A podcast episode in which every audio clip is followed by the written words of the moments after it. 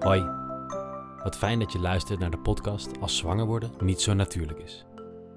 In deze podcastserie delen wij, Liz en Ruben, onze fertiliteitsreis waar we middenin zitten. Iedere aflevering hangt de vlag er weer anders bij en bespreken we een thema wat op dat moment naar ons hart gaat. Ook gaan we regelmatig in gesprek met experts en lotgenoten. Zo komen we erachter dat iedereen een eigen verhaal heeft, maar dat we er met elkaar niet alleen voor staan.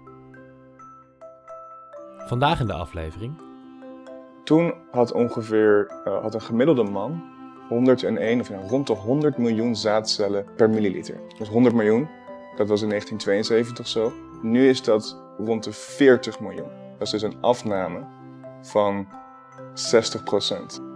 De gemiddelde kwaliteit van sperma gaat hard achteruit. Maarten van Meeuwen heeft als doel om dit tegen te gaan en heeft de Zijn Health app ontwikkeld. Bereid je voor op Mannenpraat over zaad. Alright. Dan eh, zitten we hier in Amsterdam. is voor eh, de meeste luisteraars net even een hele andere aflevering dan jullie gewend zijn. Want we gaan het vandaag hebben over mannen. Met name over mannen. Liz is er niet bij. Maar ik zit hier wel met een hele leuke gast vandaag. Dus, eh, Maarten van Meeuwen. Uh, Maarten, jij hebt uh, ons een aantal maanden geleden een e-mail gestuurd. Waarin jij met ons in contact zou willen komen. Zou jij iets over jezelf kunnen vertellen? En um, ja, ook de reden waarom je contact met ons hebt gezocht. Ja, natuurlijk. Um, ik ben Maarten, ik woon in Amsterdam. Um, we zijn hier bij mij thuis. ik heb een achtergrond in, in statistiek en in biostatistiek. En met name hoe uh, onderzoek wordt uitgevoerd in de medische wereld. Daarnaast ben ik ook software engineer en ik vind het hartstikke leuk om, om uh, applicaties in elkaar te zetten, applicaties te maken. En ongeveer een jaar geleden ben ik uh, samen met mijn co-founder Amin, die hier ook aanwezig is in het publiek, uh, zijn wij. Hi, Amin. Um, Jullie horen en zien hem niet, ja. maar hij zit hier wel degelijk. Ja, ja. wij waren in Den Haag en we, um, we, gingen wat eten met elkaar, maar we hadden allebei net iets gelezen over dat de spermakwaliteit achteruit holt.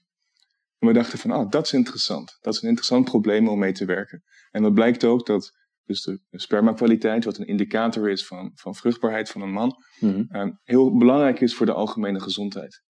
En we gingen daarover praten en we dachten van, nou ja, die mannelijke gezondheid, wat, wat moeten we er nou mee? En ook sowieso sperma, vruchtbaarheid, we wisten er eigenlijk helemaal niks van. En we dachten van, waarom nou? En toen dachten we van, nou, dat is een, een soort van taboe, een stigma. Um, dat is heel interessant om aan te werken. Dus dat zijn we gaan doen. Um, we hebben een app ontwikkeld die te downloaden is. Uh, in, de App Store, in, de Play, in de App Store en in de Play Store. Ja. Um, probeer het uit, graag. hoe, heet, hoe heet de app? De app heet Zijn Health. Zijn Health. Is dat een, uh, ook een verbastering naar Mens Health? Dat is een verbastering Ja. naar Mens Health, Ja. precies. Ja, ja, de Nederlandse variant ervan. Um, uh, dus wat we zien eigenlijk, we hebben een app en daar, daar krijg je advies, persoonlijke begeleiding om je vruchtbaarheid eigenlijk te verbeteren. Als man zijnde. Als man zijnde, juist. En nou ja, we zijn erachter gekomen dat dus uh, de app uh, wordt gebruikt. En we dachten van ja, we hebben eigenlijk een netwerk nodig. We hebben, moeten samenwerken met mensen om het, het, het, de gezondheid van de man en de vruchtbaarheid van de man beter op de kaart te zetten. Beter ja, in de, ter aandacht te brengen. Ja. En in die hoedanigheid heb ik contact opgenomen met jou. Een aantal maanden geleden. Ja, ja ik heb uh, de app uh, mogen testen Ja, ook. En ja, het is best, wel, best wel fijn. Um, ik zal ik even zeggen, ik, ik, ben zelf iemand die best wel. Ja, ik dacht altijd, ik ben een heel gezond, gezond persoon. En ik heb eigenlijk geen, geen hulpmiddelen nodig. En ik stond er altijd best wel sceptisch in. voor mij als het ging om. Ik ben een gezond, gezond mens. Um, en ik heb heel veel gehad aan Liz om mij, uh, ja, hoe zal ik dat zeggen, uh, te stimuleren om echt wel te gaan kijken van, hé, hey, wat, wat kan ik doen? En uh, dat vond ik ook zo interessant aan, aan wat jullie aan het ontwikkelen zijn. dat, dat het iets is wat wetenschappelijk onderbouwd is Ja. en Ja. wat op een simpele manier ehm, mij kan helpen om naar mijn eigen gezondheid en dus een betere fertiliteit te krijgen. En ik denk dat dat voor veel men, uh, mannen uh, over het algemeen best wel. Uh, ja, dat, dat die drempel, eh, eh, dat jullie er wel voor zorgen dat die drempel lager komt te liggen. laat ik het dus- zo. Dus, laat ik het zo dus wat wij in onze gesprekken veel merken is dat wij de gesprekken over vruchtbaarheid en over, over zwangerschap, dat het vaak vrouwen zijn die de vraag stellen, wat kan ik doen? Maar het kan ook zijn van, ja, wat kunnen wij doen? En als bijvoorbeeld een man vraagt van, wat kan ik nou doen? Ja, dan kom je op het internet terecht en dan ga je googlen van, hoe kan ik mijn vruchtbaarheid verbeteren? En dan zie je duizenden blogartikelen waarvan je eigenlijk niet weet van wat je er nou mee moet. Mhm. En, Een blogartikel is ook maar en door iemand ja, geschreven waarvan je Ja. niet weet wie. eh, Dus het is moeilijk lastig Ja. te interpreteren. En het, is, weet je, het is één ding om, nou ja, om, om iets te lezen, of dat je iets kan doen of dat je iets moet doen. Maar het is iets anders omdat er in je leven, eh, dat, het, dat je deel uitmaakt van je leven. En dat is dus het interessante, is dat je als man zijnde, als je investeert in je gezondheid, als je preventief ehm, nou ja, maatregelen neemt, om het maar even zo te zeggen, dan kun je daadwerkelijk je vruchtbaarheid verbeteren. En ja, het duurt ongeveer ehm 75 dagen voor sperma om volwassen te zijn, om Ja. klaar te zijn om een, een eicel te bevruchten. En in die tijd kun je ook dus echt wel significante verbeteringen zien in je vruchtbaarheid. En nou ja, we zien dus die vrouwen die eigenlijk een beetje te veel, ehm, misschien een beetje nou, traditioneel gezien, veel verantwoordelijkheid dragen daarvoor, terwijl de man eh, ook echt wel een rol speelt. Dus het onderzoek toont ook aan dat je bijvoorbeeld met eh, betere zaadkwaliteit kun je sneller tot een zwangerschap komen. Je kan de kans op een miskraam verminderen. En je hebt ook gezondere kinderen. Dus we zien echt wel, en wat het onderzoek laat zien en wat de data laat zien, is dat dus die, die gezondheidsinterventies, die leefstijlinterventies, Mhm. echt wel eh, een grote bijdrage kunnen leveren. Want als we, als we even gaan naar, ehm, ja, naar het probleem. Is er op dit moment, is, is het een groot probleem op dit moment, mannelijke Ja, fertiliteit? Eh, Is de, de, de kwaliteit van het zaad op dit moment een, een groot probleem als je kijkt over het algemeen naar mensen die in een fertiliteitstraject zitten? dus als je naar sperma kijkt, ja, ze zijn eigenlijk een beetje in de begin jaren 70 begonnen met het meten van de, de, de spermakwaliteit, de zaadkwaliteit op populatieniveau. Dat heet een epidemiologie. En toen had ongeveer eh, had een gemiddelde man 101, of nou, rond de 100 miljoen zaadcellen per, milli- eh, per milliliter. Dat is een beetje, dat is één manier om naar vruchtbaarheid te kijken. Dus hoeveel zaadcellen je hebt, eh, hoeveel miljoen zaadcellen je hebt per milliliter. Ja. Dus 100 miljoen, dat was in 1972 zo. Nu is dat rond de 40 miljoen. Dat is dus een afname van 60 procent. Ja. En die afname neemt toe. Dus als je kijkt van wat er gebeurde tussen 1972 en 2000, is die afname minder snel dan wat er na 2000, ja, na het jaar 2000 is gebeurd. Oké. Dus weet je, je kan dan, de mensen die zich hiermee bezighouden, die stellen dan de vraag van, nou ja, als die trend zich voortzet, wat, wat is er dan over 20 jaar? Van wat hebben we dan, heeft dan de man gemiddeld genomen nul zaadcellen per milliliter? Van ja, wat betekent dat? En in, in dat kader is er een probleem. Dus dat de afname, dus dat de zaadkwaliteit vrij snel afneemt. Dus nu, nu zie je, ehm, ik geloof dat één op de zes koppels die moeite heeft met het krijgen van kinderen. Dus dat na twaalf maanden dat er geen eh, eh, zwangerschap is. Ja. Maar dat aantal zal toenemen. Dus je ziet ook in de hele breedte, het aantal IVF-trajecten neemt toe, gemiddeld genomen. Ehm, testosteron neemt af. Dus sowieso de, de hormonale gezondheid van mannen, maar ook van vrouwen, neemt ongeveer af met 1% per jaar. Dus we zien een, dat, is best heel veel. En als Ja. je dan 1% denk je, nou ja, oké, 1%. Maar ja, maar jaar als je dan 10 uit. jaar hebt, of 20 jaar, weet je, dan is het echt wel een significante afname. Dus als je naar het, weet je, het, het is een groot probleem, maar het lijkt groter te worden. Ja, als je dat zo zegt, dan is dat wel, eh, ehm, wel flink. En, ehm, loopt, dat, loopt dat een beetje gelijk, mannen en vrouwen? Of loopt bij mannen het sperma-kwaliteit sneller achteruit dan dat... Ja, natuurlijk Bij bij vrouwen, vrouwen- bij vrouwen is het natuurlijk heel anders, omdat je geboren wordt met een aantal eicellen in je eierstok. En ehm, bij mannen is het meer een, een, een, een sperma, dat, eh, sper- de, creatie van sperma die eigenlijk continu is. Ja, Dus dat is niet echt zo één op één met elkaar te vergelijken. Ja. Maar we zien wel degelijk dat de, dat de vruchtbaarheid en dat de reproductieve gezondheid van vrouwen ook afneemt. Maar het is lastig om daar een, een, een vergelijking in te trekken. En goed, we hebben nu een heel duidelijk uh, probleem. Dat neemt af, neemt in rap tempo af, als ik het zo ook hoor. De, de spermakwaliteit, om daar eventjes uh, weer op te focussen. Wat, wat, wat kan je daartegen doen? Nee, er is een, dus als je kijkt, als je de eerste vraag stelt van waarom is dat nou zo? Waarom, waarom neemt die spermakwaliteit af? Dan zie je eigenlijk dat er twee emmers zijn van factoren die bijdragen. De e-, e eerste is um, omgevingsfactoren, dus mm. bijvoorbeeld uh, pesticiden, uh, giftige stoffen, uitlaatgassen, plastics, um, et cetera. En de andere kant leefstijlfactoren, dus alcoholgebruik, roken, stress, we zitten meer. En die emmer aan factoren, daar kun je iets mee. Het is lastig om minder uitlaatgassen in te ademen. Je moet, moet je naar uh, ergens anders gaan wonen, zoals ik bijvoorbeeld als je in Amsterdam woont. ja. Um, wordt het dan toch? Ja, precies. Ja. ja hier bij de Wieboudstraat, die loopt hiernaast. Dus, uh, ja. Dan ontkom je er niet um, Dan ontkom je inderdaad niet aan. Maar ja, je kan dus inderdaad wel iets doen aan je, aan je leven. Dus je kan gezonder gaan leven. Um, er zijn een aantal dingen die je kan doen waar veel onderzoek naar gedaan wordt. Uh, bijvoorbeeld, wat is nou het effect van het dragen van je telefoon in je broekzak? Um, toont bijvoorbeeld aan dat een paar maanden geleden is een onderzoek uitgekomen uit Zwitserland. Um, en hebben ze gekeken naar van iets van 3000 mannen naar de zaadkwaliteit. En hebben ze gevraagd van ja, hoe vaak gebruik je je telefoon en waar, waar draag je je telefoon op je lichaam? En dan zie je dus dat mannen met, die dus een telefoon meer dan 20 keer per dag gebruiken. Uh, ja.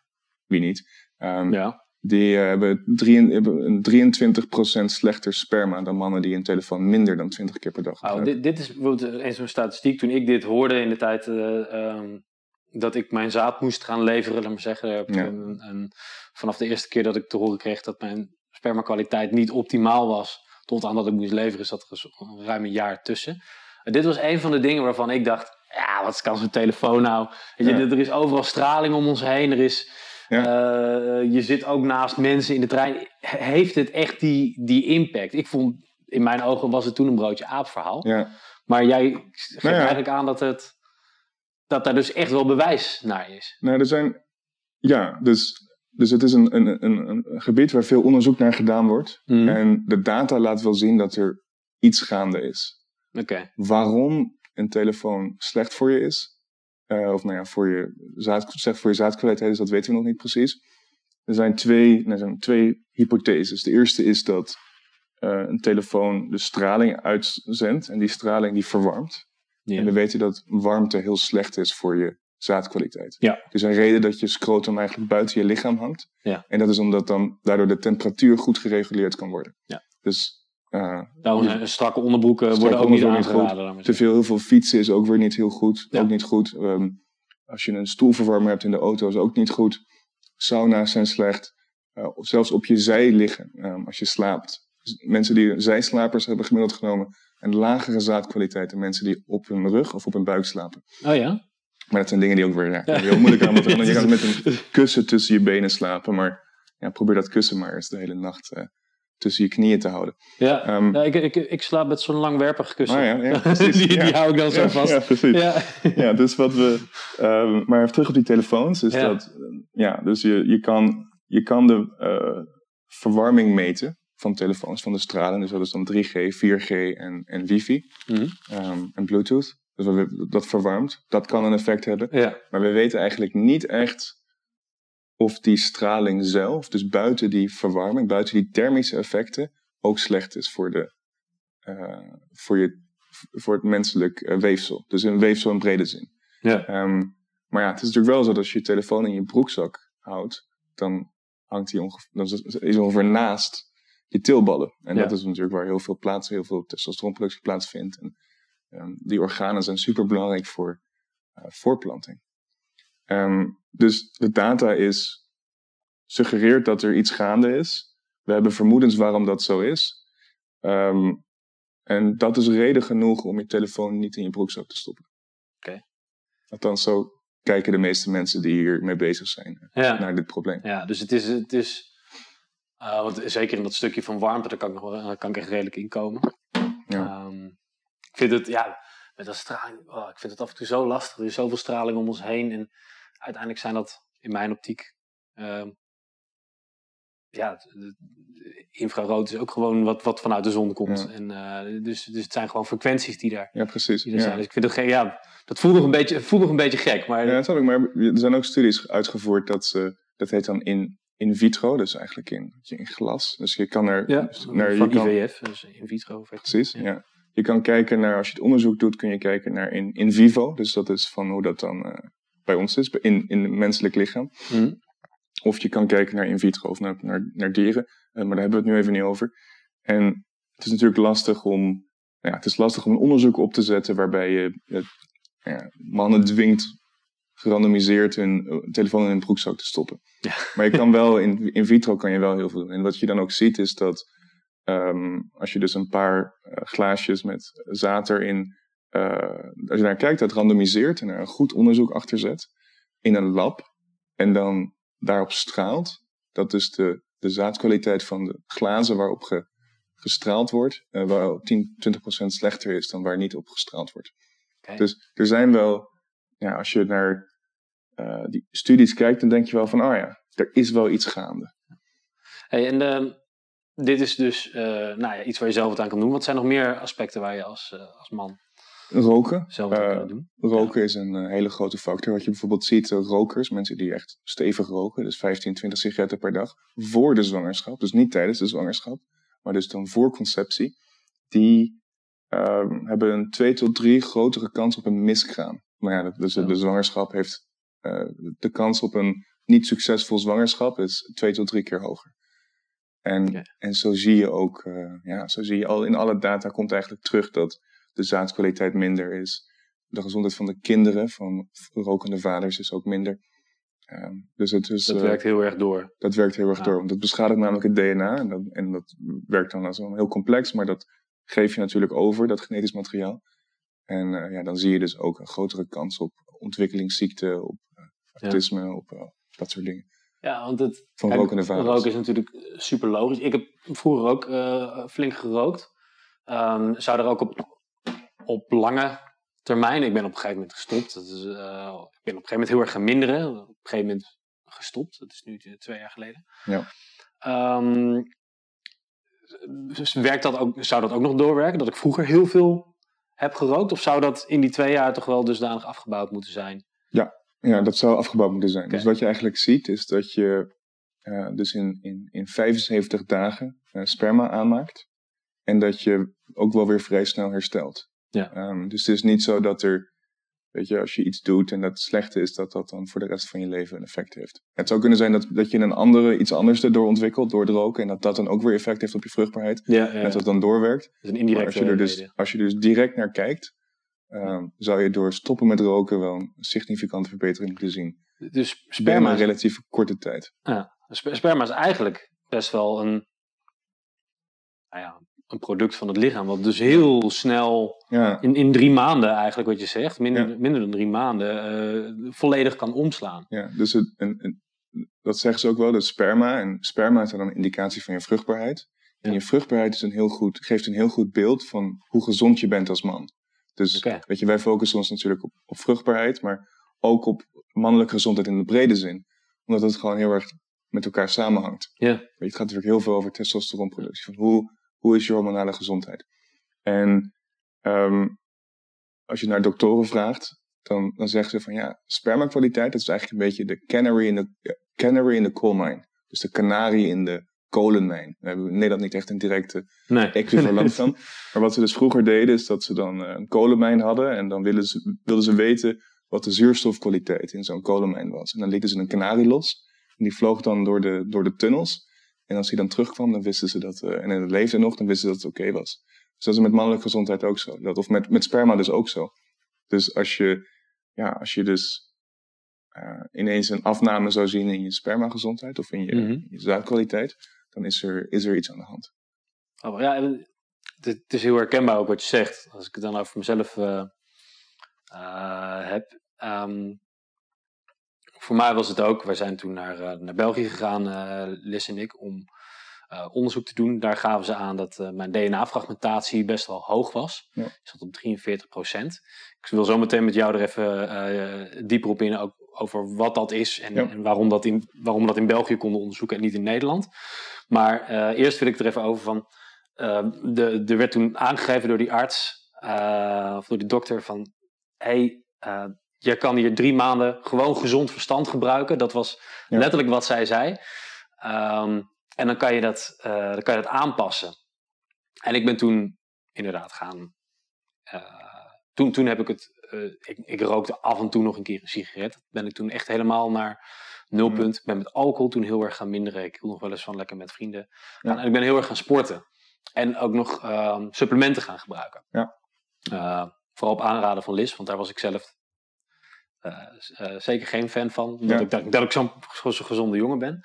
Maar wat bleek, dat na ehm, drie maanden eh, ben ik van 43% naar 32% Ja. DNA-fragmentatie gegaan. En 32% valt binnen de norm gezond Ja. sperma.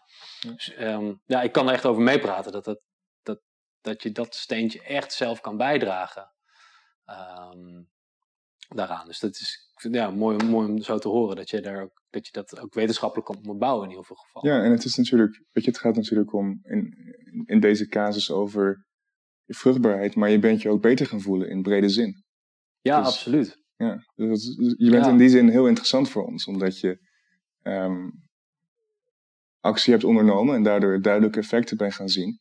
Die Ja. dan natuurlijk, een- dus DNA-fragmentatie is een abstract begrip, maar je bent je dat daardoor ook beter gaan voelen. Dus je algehele gezondheid is ook toegenomen. Nou ja, ja, je absoluut. algehele gezondheid is toegenomen en daardoor is je DNA-fragmentatie verbeterd. Ehm, dus ja, dus dat is natuurlijk het, het leuke. Dus als je als man zijnde, eh, ja, je investeert eigenlijk in jezelf. En het gevolg daarvan is dat je vruchtbaarder wordt. Ja, en dan kom je ook met, eh, met hoe, hoe zei je dat nou net? ehm, dat het voor het eerst is dat je gezondheid. Juist, ja. Dus Hoe, dat, hoe, hoe we- hoe noem je dat, dat? dat is inderdaad de eerste keer voor een man dat gezondheid echt een verantwoordelijkheid wordt. Want Ja. wat je ziet bijvoorbeeld, doordat jij, ehm, ik, heb even, ik heb even opgezocht, wat is nou het, het, het belang van die afname in DNA-fragmentatie van 43% naar 32%? Mhm. als ik het goed heb. En wat je dan ongeveer ziet, als je dus naar mannen kijkt die dan in IVF-trajecten zitten, dat de kans op een succesvol IVF-traject met 27% toeneemt. Door die afname in DNA-fragmentatie. Dat is, Dus dat is best heel veel. is veel, heel veel. Dus Ja. dat zie je dus ook, weet je, dat, dat ehm, nou, we kunnen het er zo wel even hebben over wat dat dan precies is. Mhm. Maar dus door die acties die, die je onderneemt, dat je dus de kans op een miskraam vermindert. Dat je gezondere kinderen hebt, dat je ja, sneller zwanger wordt. Weet je, daar gaat het echt over verantwoordelijkheid. En Ja. de effecten van jouw gezondheid op je ongeboren kinderen, op je kinderen ehm, en op je partner natuurlijk ook. Ja, het was ook echt, eh, ja, met dat, de, de eerste keer dat het, dat je, met die gezondheid, nou, dan ben ik het weer kwijt. Dat je gezondheid, de eerste keer dat je gezondheid echt een verantwoordelijkheid ja, wordt. precies. Ja, en dat is, ehm, en, en wat je ook aan het begin zei, van dat vrouwen vaak denken van, oké, wat, wat kan ik doen? Maar dat dit echt ja. een stukje was wat bij mij lag. En ik heb wel eh, echt mijn, of, of ik heb echt list nodig gehad om mij daarvan te overtuigen. Ja. eh, dat dit een stukje is wat, wat ik bij kon gaan Ja, dragen. precies. En, en dat is ook heel leuk. Want natuurlijk, nou, leuk, ik weet niet of het goede woord is, maar Liz in jouw zin is, is iemand die jou heel erg geholpen heeft. Ja. eh, in het verbeteren van je gezondheid. Ja. Ja, niet iedereen heeft een Liz. Dus onze app is ook een beetje een soort van eh Dus app-versie van de Liz. ja. Precies, ja. Oh, dat vind ik wel een hele mooie. Misschien moet je hem zo noemen. Ja. ja, ja, weet. Ja, nou ja, de, de, de, de- daar heb je wel een punt. Van, is moeilijk. ehm, is ik denk dat veel moeilijk. mannen gewoon die overtuiging nodig hebben. Los van, van ja, ik, ben toch, ik ben toch een gezonde man en ik kan toch af en toe gewoon een biertje moeten drinken. En, eh, Ja. ehm, maar dat het, ja, voor mezelf heeft het zo'n meer- zo'n ontzettende meerwaarde gehad dat ik flink ben gaan sporten. ja, tuurlijk. Daar, pluk ik nu nog de vruchten van. En ik Heb denk, je dat vol kunnen houden? Eh, ja. Ja. Ja. Ik, sport, eh, ik ben toen begonnen met gewoon één keer in de week naar een clubje toe gaan. En nu doe ik dat drie keer per week. eh, dus Ja. eigenlijk is het zelfs, zelfs nog flink verbeterd daarna. Toen eenmaal mijn sperma alweer goed was, Ja. eh, is het alleen maar meer en meer geworden. Oh, wat goed. Ja, Ja. dus dat was, dat was echt fantastisch. Maar ja, echt omdat ja, Liz ook wel zei van... joh, ik, heb, ik heb een verantwoordelijkheid te nemen... maar jij hebt die verantwoordelijkheid ook te nemen. Ja, tuurlijk. En dat is misschien ook aan de, aan de luisteraars, eh, wat eh veelal een, een, eh, een vrouwelijk publiek is, Ja. wel van, ja, probeer, probeer daar echt in te overtuigen. En dan hopen we ook dat, Ja. dat zo'n app daar, Daarin helpt. Ja, daarin kan helpen. Ehm, maar ja, misschien nog even dan wat, wat toelichting op dat DNA-fragmentatie. Want voor mij heeft dat een hele grote rol gespeeld. Uh, wij zijn daar constant mee bezig geweest. Maar, en dat was in België. In Nederland hoor je het niet zoveel over. in de gesprekken die wij hiervoor al hebben gehad, ben jij er ook best wel vaak over begonnen. En, en heb je best wel aangegeven dat het een hele belangrijke factor is. Nee, er zijn dus meerdere, weet je, vruchtbaarheid als, als begrip, als concept kun je niet echt meten. Dat is te vaag, weet je, dat weten we eigenlijk. Uh, is niet echt een, dus dan kijk je naar zogeheten proxies, of manieren, biomedische eh, data, biometrische data, om dat een beetje vast te kunnen pakken, die vruchtbaarheid. Ja. En er zijn meerdere manieren voor. Dus je kan kijken naar, we hebben dat al eerder genoemd, concentratie. Ja. Uh, dat is dus hoeveel zaadcellen je hebt per uh, milliliter, dus hoeveel miljoen per milliliter. Hoeveel zwemmers is er hoeveel, ook Hoe goed ze zwemmen, hoeveel zwemmers je hebt, en hoeveel ze dood, hoeveel er leven. Ja. Um, en een andere is eigenlijk DNA-fragmentatie, of eigenlijk dus de, de DNA-kwaliteit van het sperma. Ja. En wat je, sperma is eigenlijk natuurlijk, is er eigenlijk voor om jouw genetisch materiaal, een, een eicel te bevruchten en jouw genetisch materiaal over te brengen. Dus wat je ziet, hoe beter die, de kwaliteit, de integriteit van het genetisch materiaal is, hoe groter de kans is op een succesvolle zwangerschap um, en ook hoe gezonder je kinderen. En ja, je hebt een, een, een, zaadcel, een sperma, en dan de hoofd, in het hoofd zit dan dat, het genetisch materiaal. En dan heb je, uh, dat ondervindt schade. En daar zit ook een soort herstelvermogen in. En dat DNA-fragmentatie is eigenlijk een beetje onderaan de streep. Wat er hoeveel schade je hebt en hoeveel herstelvermogen je hebt. Okay. En die schade is bijvoorbeeld de roken. Um, je rookt er niet in dit geval, maar rokers hebben zullen bijvoorbeeld meer DNA-fragmentatie hebben dan niet-rokers. Omdat er in uh, sigaretten bijvoorbeeld teer en benzeen zit. En die uh, zorgen voor iets wat heet dan oxidatieve stress. En oxidatieve stress, dat zijn eigenlijk instabiele moleculen die schade aanbrengen. Dat doen ze in het hele lichaam. Maar in het geval van Ehm, eh, in ons geval kunnen ze dus het genetisch materiaal in, dat, in het hoofd van dat uh, sperma beschadigen. Of bijvoorbeeld zelf de sperma uh, beschadigen. Dus dat, en daarmee het, het, vermogen om te zwemmen van die zaadcellen te verminderen. Dus wat je ziet is dat je omgevingsfactoren hebt die zorgen voor instabiele moleculen. Biochemische ingewikkelde processen. Mm -hmm. Die beschadigen um, het weefsel en de, de, de zaadcellen. Dan heb je ook weer het, lichaam, het, het, het, het, inherente vermogen in het lichaam om dat weer een beetje tegen te gaan. En dat zijn antioxidanten. Oké. Dus we hebben oxidatieve stress. Ja. En dan hebben we antioxidanten die dat weer een beetje kunnen neutraliseren. Ja. Dus dat antiox antioxidanten zijn hele stabiele moleculen die eigenlijk dat die instabiliteit van die oxidatieve stress tegen kunnen gaan. Die instabiele moleculen, die heten vrije radicalen. Dat zijn allemaal, ja, die kunnen dan schade toebrengen aan, uh, aan cellen om weefsel uh, in hun omgeving. En dan geeft een, een, een, antioxidant geeft dan een elektron aan de uh, vrije radicaal en dat neutraliseert zich dan. Oké. Okay. Dus dat is een beetje heel technisch. maar technisch dat, dat gaat eigenlijk dus over ja, DNA-fragmentatie. Dus wat jij in jouw geval hebt gedaan, is dat je gezonder bent gaan leven. Dus dat je minder schade bent gaan toebrengen aan jouw zaad. En aan de andere kant ben je ook gezonder gaan eten en heb je wat supplementen genomen waarin, waar antioxidanten in zitten. En daarmee heb je weer het vermogen van je lichaam om zich te herstellen. En nou, het vermogen van jouw zaad om zich een beetje te repareren, heb je verbeterd. Ja. Dus het is een beetje het product van dus de, de, de, het reactievermogen, een beetje de brandweermannen, zeg maar. Mm -hmm. En de, de, de boefjes of de, de, nou ja, de schade die je toebrengt. En, en als die, die um, uh, stel, je, gaat, je hebt, je hebt een, een, een je DNA-fragmentatie is niet goed. Ja. Um, wat, wat gaat er dan mis bij het verwekken? Weet je daar? Uh, dat is een hele complexe vraag. Dat, dat gaat namelijk, dat, daar weten we ook niet zoveel van. Hoe precies, hoe, dat, hoe precies die bevruchting plaatsvindt en wat er dan ik- vervolgens ik- gebeurt. Ik krijg, als ik hem even Ja. zo... Wat, wat mijn beeld ervan is geworden, is dat er een soort van... Nou, dan komt er zo'n zo'n- zo'n zaadcelletje. En dan, dan ergens, terwijl de embryo zich al aan het ontwikkelen is... Want het kan Ja. prima bevrucht raken... Ontbreekt er dan, of, of is een stukje DNA niet Ja, goed... waardoor er eigenlijk precies. een error Ja, ontstaat. waarschijnlijk, Van, precies. Dus- en, Zoiets. en de, Ja. Eh, Hoe dat de groei stokt of de verkeerde groei. Of, zeg Hoe dat precies werkt weten we niet, maar het, zal, het is inderdaad iets in die richting. Ja, Dus het is inderdaad het genetisch materiaal, dat combineert zich En dat ja, als er dan een, iets in de codering fout is, of als er iets niet goed zit, dan wordt die informatie die overgebracht wordt dus ook, uh, ook minder. Ja. En dan neemt het risico op. Dat is eigenlijk een fout in de codetaal als je een, een, een, app maakt bijvoorbeeld. Ja, ja. precies. Uiteindelijk is het daar wel uit te. Maar dat, ja. ja uh, ga verder. Um, nou ja, de, de, um, heb jij enig idee waarom hier in Nederland weinig naar gekeken wordt? En dat het in België best wel een groot ding is? De DNA-fragmentatie? Ja? Uh, nee. Niet. Geen idee. Nee. Maar vind, vind je het gek dat dat in Nederland niet gebeurt? Ja, we zijn in Nederland natuurlijk ook een beetje terughoudend op het gebied van meten en testen uitvoeren. En zijn heel erg bezig met het beperken van kosten. Um, het zijn, dit soort testen zijn heel duur, uh, heel complex. Um, dus misschien heeft het daarmee te maken dat we, dat, uh, dat we de kosten een beetje in toom willen houden. Uh, verder zou ik, niet, zou ik niet weten waarom dat, ja. waarom dat zo is. Alright. Hey, um, ja, jullie richten je op, dus voornamelijk op mannen. Ja. hierbij in de mannelijke gezondheid.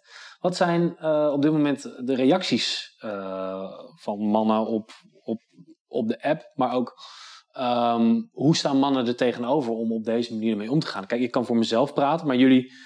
Uh, um, ik weet niet of ik een, een gemiddelde man ben als het gaat om, om naar zichzelf kijken en de verbetering. Waar, waar lopen jullie ja, je tegenaan? Bent, je bent wel een hele interessante man. Want je bent een beetje zoals ik je ken.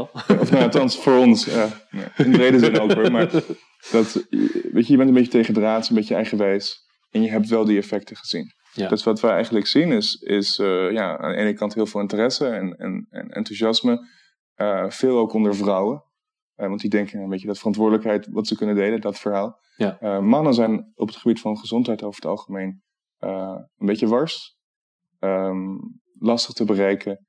Um, dus het enthousiasme komt grotendeels voort uit vrouwen. En dat is ook een beetje waar we nu mee bezig zijn. Van hoe kunnen we onze boodschap nou zo goed mogelijk bij mannen laten aanslaan. Ja. Um, en daarom zijn, ja, is het zo fijn dat we, dat we in deze podcast zitten. Dat ik contact heb met je, of dat wij contact hebben met jullie.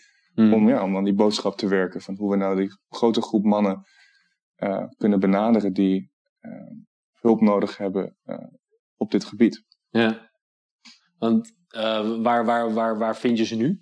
Internet. Ja? Ja, dus het, natuurlijk, het gaat deels uh, via Google en advertenties en ook via klinieken. Dus via, bijvoorbeeld via verloskundige praktijken, die zijn altijd heel erg geïnteresseerd in ja. het aanbieden Fertiliteitsklinieken? van... nog niet. Okay. Dat is algemeen wat lastiger. Um, maar bijvoorbeeld ja, verloskundige praktijken die bieden ook vaak preconceptiezorg aan. En wij doen eigenlijk preconceptiezorg voor vaders. Ja. Um, dus daar, daar is een match. En daar komen we ook mannen tegen. Dus dat, uh, dat is dan wat kleinschaliger. Maar echt voor een app als de onze is, uh, is Google heel belangrijk. Dus Google Ads. En daar zien we ook wel dat we met bepaalde campagnes succes hebben.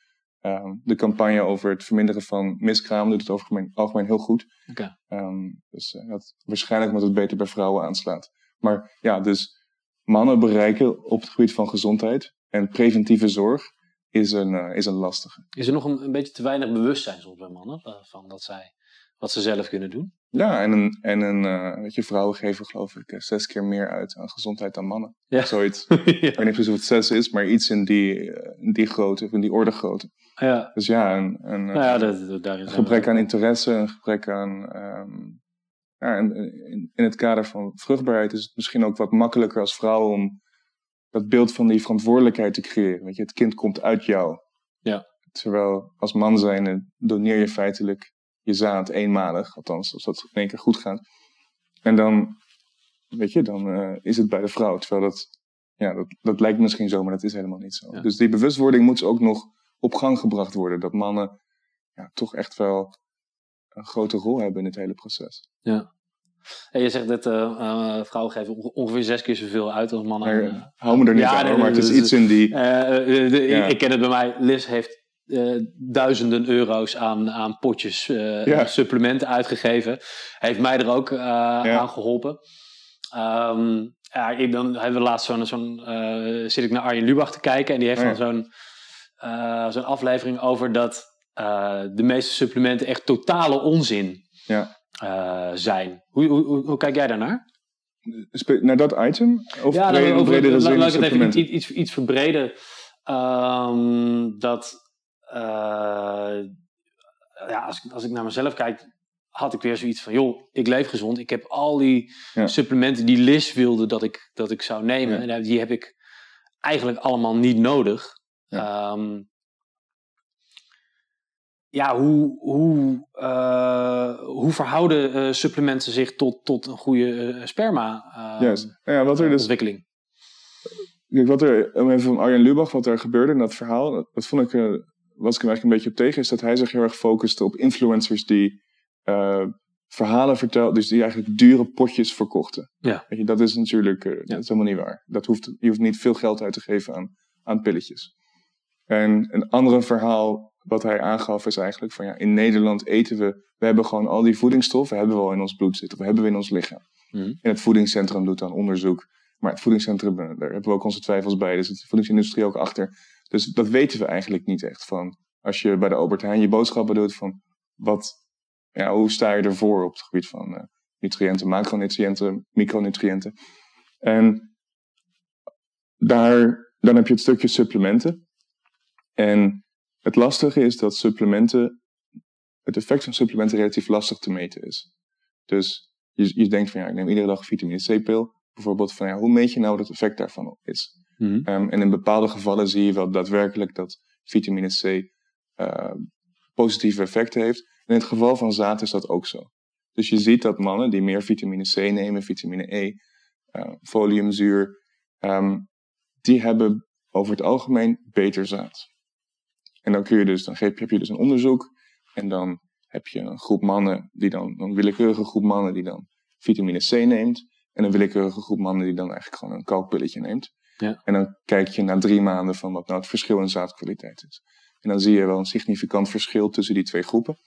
En ehm, ja, dus het, het heeft wel daadwerkelijk effect. Maar bijvoorbeeld is het weer lastig om te kijken van ja, wat is nou het effect van een vitamine C-pil op de kans op een succesvol IVF-traject. Dus we weten bijvoorbeeld van dat vitamine C een positief effect heeft op bijvoorbeeld DNA-fragmentatie. Ja. En dat DNA-fragmentatie eh, een positief effect heeft, of minder DNA-fragmentatie, een positief effect heeft op een, de kans op een succesvol IVF-traject. Maar dat, om in één keer dit, dat verband te leggen, is weer wat lastiger. Dus we weten dat het effect heeft. Ehm, waarschijnlijk heeft het ook positieve effecten op de uitkomsten waar je daadwerkelijk om geeft. En in jouw geval is dat dat je een succesvol IVF-traject wil afronden. Ja. Dus dat is lastig, maar Ja, het is, eh, het is Ja. van waar, waar zit die... eh, En dat is natuurlijk het hele lastige, is dat het, zijn, het is niet zo dat je een, een wondje hebt en daar een, een, een eh, crème op smeert en dan gaat die wond weg. Nee. Het zijn natuurlijk allemaal hele langdurige processen waarvan je de effecten zelf niet echt voelt. Ehm, maar de effecten zijn er, die zijn er wel daadwerkelijk. Oké, dus het is niet dat je dit volledig eh, zo overboord Maar moet gooien. Nou, is ik moet wel heel zo dat eerlijk je- zeggen, bij, bij Arjen Lubach, om daar nog even op terug te komen, werd wel gezegd, joh, als je het specifiek ergens voor doet, in ieder geval dat Ja. was de, de, de tendens die erachter kwam, ehm, zoals bijvoorbeeld goed zaad, ja, dan heeft het wel natuurlijk Ja, en eh, invloed. Het is alleen als je gezond bent en het nergens voor hoeft te doen, dan heb je ze vaak niet En nodig. ga ook gewoon naar de kruidvat om ze te kopen. Ja, Precies, je hoeft niet, eh, je hoeft niet een heel dure, dure kuur te kopen van een influencer of eh, vitamine C is vitamine C. vitamine C is vitamine C. ja, precies. Ja. Ja. Alright. ehm, ja, ik zit even te denken, hoe, eh, hoe zie jij de toekomst een beetje eh, voor je? Als het gaat om, om fertiliteit. Je schetste net aan het begin best wel een, eh, een, Ja. do- een donker beeld. Ja. Ehm, waar, laat ik het zo zeggen, waar lijkt het nu naartoe te gaan? En is dat tijd te keren? Nou ja. Dus we hebben de achtergrond is dat die zaadkwaliteit heel erg afneemt. En er zijn wetenschappers die het over een spermageddon hebben. Spermageddon. De spermageddon. Ja, dat, daar zouden ze een film moeten maken van maken. precies. Ja, ja, ja. Of de naam van een podcast of zo. Maar de- Ehm, dus we, zijn, we weten dat, eh, we weten het niet. En de vraag wordt gesteld en er worden dan voorzichtig wat eh, ingewikkelde antwoorden op gegeven, maar dat is natuurlijk niet, we weten niet wat dat betekent. Ehm, maar het belooft niet veel goed, want je ziet, ja, je ziet de IVF-projecten, die nemen het de aantallen nemen toe, dus het aantal IVF-baby's als Mhm. percentage van het totaal aantal baby's wat geboren wordt, neemt toe. Ehm, dus dat is een, een, een mogelijkheid, dat de IVF, de technologie verbetert, dat het goedkoper wordt, dat het toegankelijker wordt. En dat, je, ja, dat we daar, ehm, dat dat vaker gaat gebeuren. Ja. Ehm, daarom is jullie podcast ook heel erg belangrijk, omdat het waarschijnlijk meer mensen in de toekomst zulke trajecten kunnen door, zullen moeten doorstaan. Ja. En daarnaast, weet je, de invloed. We, hebben, we weten dat uh, leefstijlverbeteringen positieve effecten hebben op zaad en op algehele gezondheid. Dus het is aan ons en aan, aan, andere mensen in dit vakgebied om het stukje preventieve zorg heel goed te verkopen. Wat precies die pitch is, daar, ja, daar zijn we aan het werken en daar, Mhm. daar zijn we heel hard over aan het nadenken. Maar ja, we zullen als samenleving, als mannen en als vrouwen, uh, gezonder moeten gaan leven. Ja. En- Ja, want je, je schetst, ik, dat, dat deed je al eerder, je hebt natuurlijk, eh, wat kan je er zelf aan doen, maar je hebt ook het, ja. ja, de, de omgeving, de uitlaatgassen, Ja. de, eh, de, de, de straling eh, die om ons heen is, Ehm, noem maar op. Dus het is ook een, een maatschappelijk, je kan het veel breder trekken dan alleen maar wat je zelf kan doen. Dit is Ja, maatschappelijk nou ja, probleem. het is natuurlijk wel, het is natuurlijk wel belangrijk om te kijken naar dingen die je in je, weet je, die in je in- controle van, die binnen jouw controle liggen. Ja. Het heeft voor mij, weet je, je kan verhuizen, ehm, maar dat wil ik liever niet.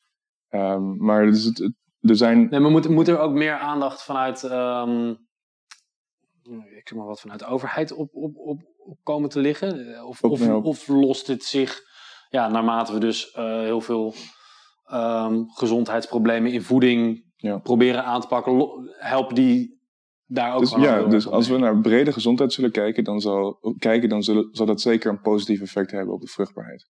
Dus de, als we naar kijken naar de luchtkwaliteit, ehm, wat ook bijvoorbeeld heel belangrijk is, dat je je huis goed schoon houdt. Ja. Ehm, dat soort dingen. Je kan, daar, je kan die omgeving, de mate waarop kan beïnvloeden, ehm, kun je verbeteringen doorvoeren. En als we naar een grotere schaal kijken, van, ja, dan moet de overheid daar zeker een grotere rol in spelen. En dat, is natuurlijk, dat gaat natuurlijk al beter. Ik bedoel, de luchtkwaliteit nu is hoger dan het 20 jaar geleden was. Er zit een positieve trend in. Oké. Verder denk ik dat wat een probleem is, is dat je als, als je zwanger wil worden als koppel, dat je eigenlijk de eerste twaalf maanden, ja, als je dus bijvoorbeeld zegt van ja, ik heb zes maanden geprobeerd, als je naar de huisarts gaat, dan zegt de huisarts van ja, wacht nog maar zes maanden, kom dan maar terug. Dan krijg je, een, een- krijg je allerlei testen en onderzoeken. Ehm, nou ja, we kunnen ook, we weten dat eh, gezondheidsinterventies positieve effecten hebben. Dus laten we ook gewoon kijken van, laten we meteen beginnen. Als je een kinderwens hebt, van ga meteen aan je gezondheid werken. Want dan weet je dat je, de kans groter is dat je binnen die twaalf maanden eh, een kind hebt. Ja. Of een, nou ja, een, een zwangerschap hebt uh, Dus op bewerkstelligd. het moment dat je, dat je Precies. beslist van, Ja. hey, maar ga, ik zou het wel fijn vinden om kinderen te hebben, eh, dan dat dat eigenlijk al het punt is dat je het voor jezelf in werking zet. Precies, en, en eigenlijk daarvoor ook al. Weet je, ik bedoel, we moeten gewoon meer aan onze gezondheid werken. Ja. En dat is lastig, dat is een ingewikkeld verhaal. En er zijn natuurlijk heel veel mensen bezig die dat eh, willen bereiken. Ehm, obesitas verminderen. Ik bedoel, obesitas en, en zaadkwaliteit hangt ook heel erg samen. Obesitas neemt heel erg toe. Ehm, dus van, ja, hoe krijgen we dat probleem, eh, hoe kunnen we dat eh, aanpakken? Ja. Dat weet ik niet. Moet hier meer aandacht op, op gevestigd worden, denk jij? Op zaadkwaliteit of op Ja, op ongezondheid in de algemene zin? Nou, ik denk op, op vruchtbaarheid in de algemene zin. Dat het, Nee, het neemt toe. En het, weet je, als je, als je de vraag, als je denkt van ja, over 20 jaar heeft een man gemiddeld genomen nul zaadcellen, gemiddeld genomen, Ehm, dan, eh, ja, dan moet daar iets mee gebeuren. en met Ja. nul zaadcellen kan je ook met een IVF-traject helemaal Precies, niks. ja. Want, eh, Dan is het, dan Ja, is het, klaar. En de, ja, en de nadruk moet ook meer komen liggen op preventieve zorg. Maar dat is natuurlijk een, een gezondheidszorg breed iets. Ja. Dat je, we zijn nu natuurlijk heel erg bezig met je bent ziek of er is iets aan de hand. Je hebt, om, je hebt vruchtbaarheidsproblemen. We gaan, dat, we gaan daar iets aan doen. Ja. Maar het is natuurlijk veel goedkoper en makkelijker om daarvoor al actie te ondernemen. Dat je niet in die situatie terechtkomt. En het zal niet bij iedereen helpen, maar weet je, als eh, iedereen preventief een regie in eigen handen neemt, dan zal de uiteindelijke zorgvraag ook afnemen. Ehm, right. We gaan een beetje richting een einde toe. Ja. Eh, zijn er nog dingen die jij eh, graag wil meegeven, ook aan luisteraars? Of, Ja. of iets wat je nog heel graag kwijt wil? Maar laten we dus even kijken naar, naar de, eh, waarom die zaadkwaliteit nou afneemt. We hadden het over twee emmers. En de Ja. ene is dus de, weet je, wij als mannen die dan gezonder kunnen gaan leven en dat ook moeten doen. Maar aan de andere kant is ook een beetje vagere omgevingsfactoren. En eh, één, als je dan één zo'n omgevingsfactor eruit pakt, dan heeft die een, een behoorlijk grote uh, rol in dit proces. En dat zijn zogeheten endo endocrine disruptors. Endocrine disruptors. Ja, endocrine disruptors. Endocrine disruptors. Ja, en wat het verhaal eigenlijk dus is, is dat als, um, dat is een ingewikkeld verhaal, maar dus als je dus een, een kind, als er dus een conceptie plaatsvindt en een, en een embryo ontstaat, Ja. dan, gebeurt er, dan vindt er heel veel biologische ontwikkeling plaats. En dan is de hormoonhuishouding heel erg belangrijk. Um, als je dus een jongetje bent, dus een XY-chromosoom hebt, dan heb je heel veel testosteron nodig om geslachtsorganen te ontwikkelen, om de, til, de, om de tilballen te ontwikkelen. Dat de tilballen uh, inzakken of neerdalen eigenlijk. En als er dan veel plastics in de omgeving zijn, of zeker in de baarmoeder en in het bloed van de, uh, van de foetus, en het, of eerder het embryo dan de foetus, dan, dan zie je dat daar iets misgaat. Dus dat gaat En dan de plastics bedoel je gewoon, gewoon Ja. microplastics, van hele Precies, kleine mini-stukjes plastic die door het bloed heen Ja, gaan. precies. Die, ja, ja. ja. En die, die inhaleer je die hebben zo'n die, je zijn, in. dat zijn zo, die hebben zo'n grote factor. Ja, dus je hebt het endocrine systeem, dat reguleert eigenlijk dus hoeveel testosteron en oestrogeen je aanmaakt. Maar wij hebben het hier over mannen, dus we hebben het over testosteron. Ja. En dus die endocrine disruptors, die blokkeren eigenlijk een beetje het endocrine systeem, de signalering voor de productie van testosteron. Dus wat je ziet is dus dat, ehm, ja, dat als er minder testosteron is, dat er dus ook minder ontwikkeling is van een geslachtsorgaan. En die ontwikkeling heeft langetermijn effecten. Dus daar kun je niet tegenop sporten. Daar kun je niet stoppen met roken en dan effecten van zien. Dus, en dat maakt het verhaal heel ingewikkeld. Dus, dus dat je de, de omgeving van een, eh, nou ja, eerst in de baarmoeder, maar ook de eerste twee levensjaren, dus eigenlijk de eerste duizend jaar Duizend na de dagen? eh, sorry, duizend Ja, dagen, ja. precies. De duizend dagen na de conceptie. Goed dat we dit even voorbesproken Is, eh, hadden. ja, eh, die zijn heel belangrijk. Dus je wil eigenlijk gewoon een, een zo gezond mogelijke omgeving hebben voor een moeder als ze zwanger is. Mhm. Dus zo min mogelijk geen plastic eten, geen eten in plastic in de magnetron, eh, het huis goed schoonhouden, ehm, dat soort dingen. Daar wil je heel erg naar kijken en dan kun je op de lange termijn een trend. eh, eh, Zo een bijzonder tijd dat, dit, dat dit zo'n grote Ja, enorm. eh, impact heeft. Ja. Dat, eh, ja, ja, dat, dat is iets waar ik echt totaal nooit bij stil had gestaan. ja, Ik weet wel dat er microplastics zijn, maar als ik aan plastic denk, denk ik vooral aan dat we de zee vervuilen. En, eh, ja, onszelf ook natuurlijk. We krijgen ja, het allemaal binnen. ja. En je, zie, je ziet ook wel dat een, een, als je naar bloed kijkt in een placenta of in, in een moeder, dat echt het aantal chemicaliën wat schade op, op dit vlak schade kan toebrengen heel groot is. Wauw. En dat is natuurlijk iets waar we wel wat aan kunnen doen. Want we kunnen gewoon eh, ons huis goed schoonhouden, geen eten verwarmen in plastic. Eh, als je iets verwarmt in een magnetron, doe het in glas of in roestvrij staal. Ja. Ehm, en probeer sowieso eh, niet in plastic folie dingen Roestvrij te... staal, mag dat in de mag- Dat weet ik, volgens mij met metaal in de magnetron? Ja, volgens mij wel. Aluminium mag niet in de magnetron. Oh. Nou, ik gebruik de magnetron niet zo vaak. Dus ik weet het niet. ik ook niet. Maar, dus, Gebruik gewoon je magnetron niet zoveel. ja, dus we zien eigenlijk, eh, ja, weet je, dat zijn dingen waar we wel Ja. Dat is moeilijk, Ja. maar het kan wel. En dan zie je dus, als je dus eh, goed naar de eerste duizend dagen kijkt, dat je echt wel eh, ja, op lange termijn gezondheidswinst kan behalen. Ja.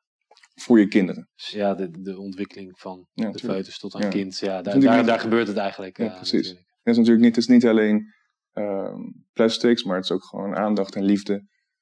Dat heeft ook een enorme impact op hoe een emotionele regulatie van, eh, Ja. van kinderen en jongvolwassenen en volwassenen. En dan zie je bijvoorbeeld ook weer dat stress heel erg samenhangt met zaadkwaliteit en hoe je met stress omgaat. En dat zijn allemaal dingen waarvan de kiemen eigenlijk de basis ligt in de eerste duizend jaar. Eh, zeg je het weer duizend jaar? Duizend dagen. De eerste Ja. duizend jaar. Ja, wie weet de Ja. technologie en de medische wetenschap. Op een Precies. gegeven moment zover dat we allemaal duizend jaar eh, Ja. gaan leven. Maar ik denk als we zover zijn dat er ook eh, eh, baarmoeders zijn. Die eh, kun- kunstmatige baarmoeders zijn. eh, dat het, eh, ja, dan krijg precies. je matrix-achtige tafereelen volgens Ja. mij.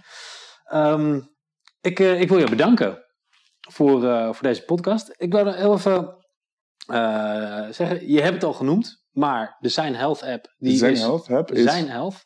beschikbaar in de App Store en in de Play Store. Gratis. Ja. Probeer het uit en laat ons weten wat je ervan vindt. ja, en hoe kunnen ze dat laten weten? Kan dat gewoon via de app? Ja, dat kan via de app. En, eh, de app. ja, en als ze meer informatie eh, over jullie willen? eh, Dan hebben we een website, zijnhealth.com. ja, En daar staan ook al onze contactgegevens. En daar kun je sowieso meer informatie vinden over wat we doen. ehm, en waar we voor staan. Nou, helemaal goed.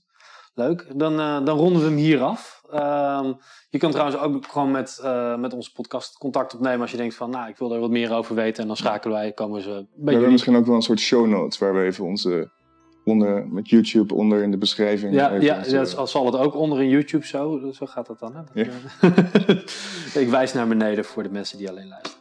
Ja. Super bedankt. Eh, ik hoop dat veel mensen er, eh, er iets aan gehad hebben. Oproep ook aan eh, veel van onze luisteraars. Als je denkt van, nou, mijn man, de, de, de- of als je man bent, maar als je eh, vrouw bent, mijn man die kan wel wat, eh, wat eh, beter zaad gebruiken of daar willen we wat aan doen. Download de app en eh, ik vond hem heel erg gemakkelijk in gebruik. En, eh, Ja, fijn. ja, hele fijne Goed om te horen. informatie en het is ook weer geen overkill. Dus eh, dat wou ik nog even gezegd hebben. Mooi, dankjewel. Dankjewel. Bedankt voor het luisteren naar de podcast Als zwanger worden niet zo natuurlijk is. Mocht je het delen van dit onderwerp willen ondersteunen, abonneer je dan op deze podcast en laat een review achter. Zo worden we nog beter gevonden. Mocht jij er behoefte aan hebben om een thema rondom fertiliteit te bespreken of jouw verhaal in de podcast te delen, meld je dan via onze website www.zwangerwordennietzonatuurlijk.nl of stuur ons een bericht via Instagram of Facebook. We kijken er naar uit om met jou in gesprek te gaan.